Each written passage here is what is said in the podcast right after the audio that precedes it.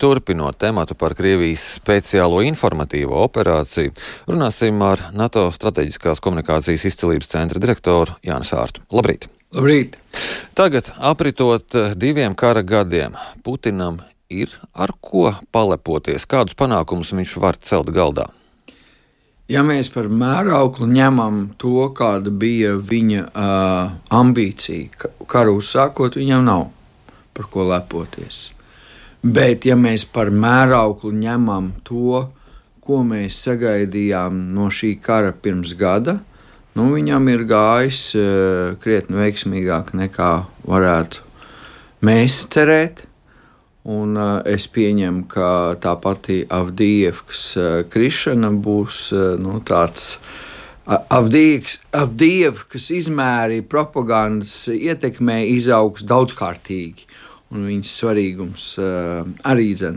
Līdz ar to, nu, jā, uh, salīdzinot ar sākotnējiem mērķiem, nav daudz ko lepoties. Tā joprojām ir diezgan liels fiasko, bet skatoties nu, to kara gaitu, nu, šobrīd viņiem ir eh, tas posms, kurā viņiem vairāk veicas nekā mēs gribētu. Putinam tagad noteikti ir vēlme gan palepoties, un varbūt pašā gada dienā sarīkot uh, vērienīgus uzlab, uzlidojumus, bet noteikti arī Ukrāņi vēlas Putinam sabojāt šo datumu. Tāpēc interesanti šķiet, ka Kremlis nākamnedēļ ir izsludinājis Putina uzrunu federālajai sapulcei. Tas nav mazliet pārdroši, ņemot vērot, vērā, ka Ukraiņi varētu vēlēties sabojāt gan vienu, gan otru notikumu. Nu, uh, Putinam vienlaicīgi arī strauji tojās tas vēlēšanu šovs, kurā viņš piedalās. Uh, protams, pirmkārt, tās nav patiesas vēlēšanas, mēs to visu lieliski saprotam, bet vienlaicīgi tas uzliek zināmas pienākumus viņam tomēr būt publiski redzamam, publiski aktīvam, ko viņš arī dara. Acīm redzot, tas ir viens no tiem faktoriem, kas ietekmē to, ka nu, viņš eh, būs visdrīzāk šajā uzrunā. Un, un tad, nu, tieši tā precīzi. Es domāju, Ukraiņi mēģinās atrast veidu, kā sabojāt eh, šo te uzrunu. Eh, Ukraiņiem ir resursi kaut ko paveikt. Uh, protams, nu, Ukrāņi joprojām karo, viņiem nepietiek resursu vajadzīgos apjomos, visvairāk nepietiek artērijas munīcijas, nepietiek raķešu sistēmas. Arī cilvēki ir die, mazāk nekā nu, es uzskatu, būtu vajadzīgs viņu frontē. Uh, Bet, nu, kā mēs redzam, gan, gan jūrā, Melnajā jūrā viņiem ir veiksmīgas operācijas bijušas. Um, ir arī uzlidojumi, kā arī viņi joprojām, kā mēs redzam, veids diversi, diversijas uh, Krievijas iekšienē. Nu, tādu nu, spilgtu mirkli viņi var saorganizēt. Nu, tam tik daudz resursu īstenībā nevajag. Bet vai nu mēs no Putina tagad eh, šajā pirms federālajās sapulces uzrunā varētu sagaidīt kādus paziņojumus par to, ka Krievija savus mērķus Ukrainā lielā mērā ir sasniegusi? Es nedomāju, ka viņš šādā veidā to tagad uh, ieterps, jo to viņš, var, to viņš varētu ieterpt tādā mirklī, kad uh, viņam panāk, uh, sanāktu uh, panākt sarunas sākšanu par pamieru.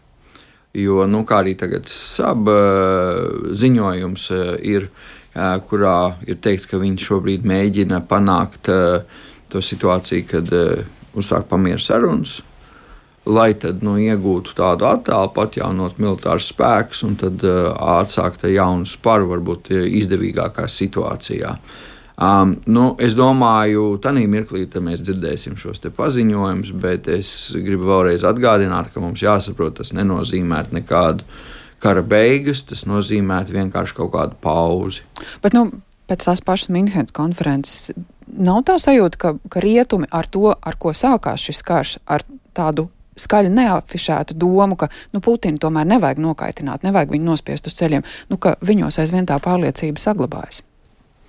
Neziniet, es teiktu, ka reiz otrādi.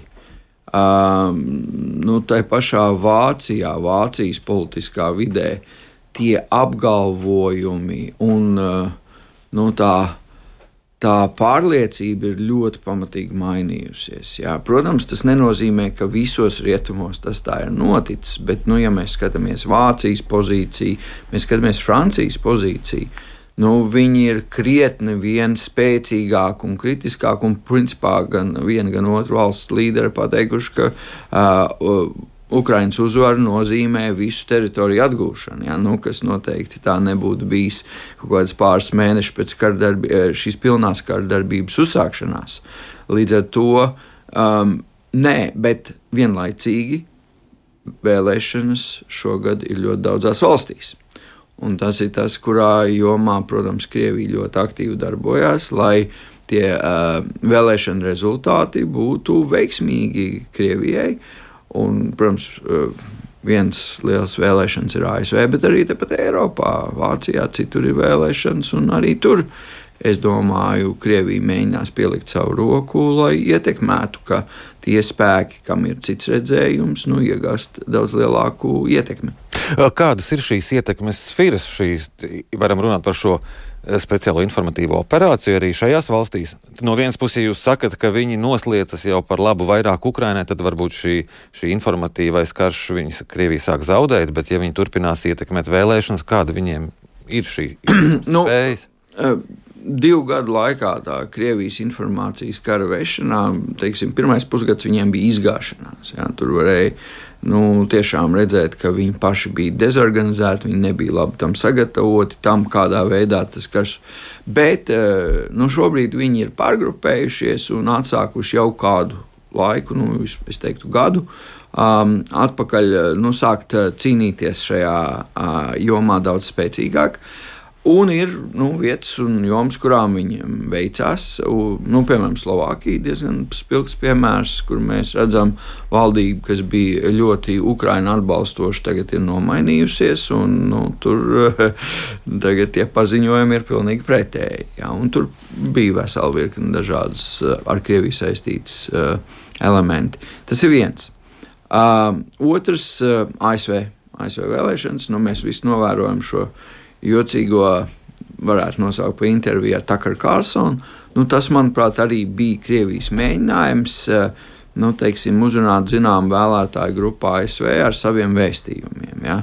Uh, nu, arī Vācijā, uh, Vācijā uh, manuprāt, Krievijas atbalsta mērķis ir AFD kuriem ar vienu nu, pieaug tā popularitāte. Un, nu, nu, tur arī tradicionāli bijuši gan ietekmes aģenti pieejami Krievijai, gan citas instrumenti, nu, kas dod iespēju šo visu realizēt. Pieminētā intervija, cik spožs tur bija Putins, šķiet, ka nebija pārāk labs, un viņa, viņa vispār pēdējie izteikumi nu, nešķiet, ka viņš būtu sekmīgs. Šī informatīvā kara vedēja, cik viņi var pala, paļauties uz Putinu kā galveno to informācijas nesēju? Viņš nesāk tā kā klibot mazliet. Nu, tā intervija, es piekrītu, nebija spoža no Putina perspektīvas. Nu, manuprāt, varēja ļoti just, ka viņš nu, tāds Eh, tiešām kļūst par tādu pilnīgu diktatoru un iegājis tajā garšā, un tādā brīvākā atmosfērā vairs neprot eh, darboties.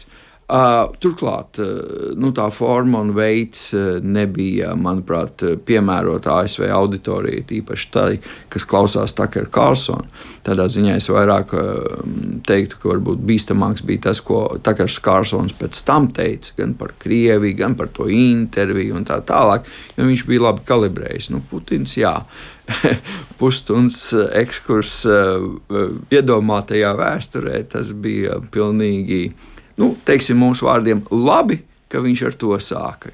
Tas noteikti ietekmē to intervijas klausītāju un skatītāju priekšstats.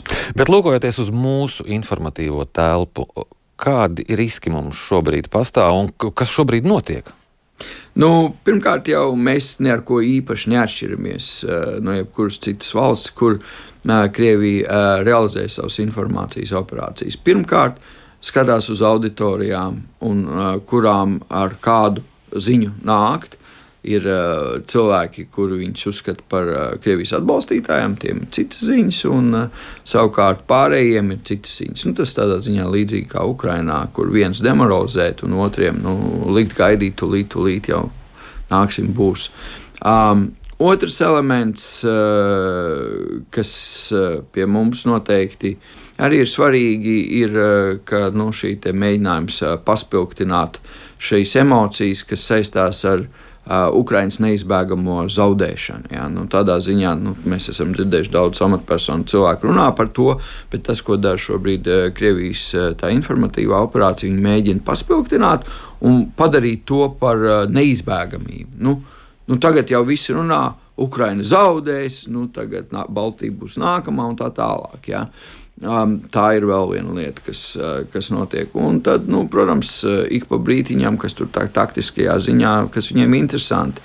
Bet es teiktu, ka vispār kopumā Baltijas valsts, manuprāt, pēdējā laikā Krievijai ir sarežģītākas, jo tā cena, lai realizētu šeit informācijas operācijas, ir augstāka nekā nu, virknē citu valstu. Jo nu, mēs to tomēr esam veikuši virkni soļus.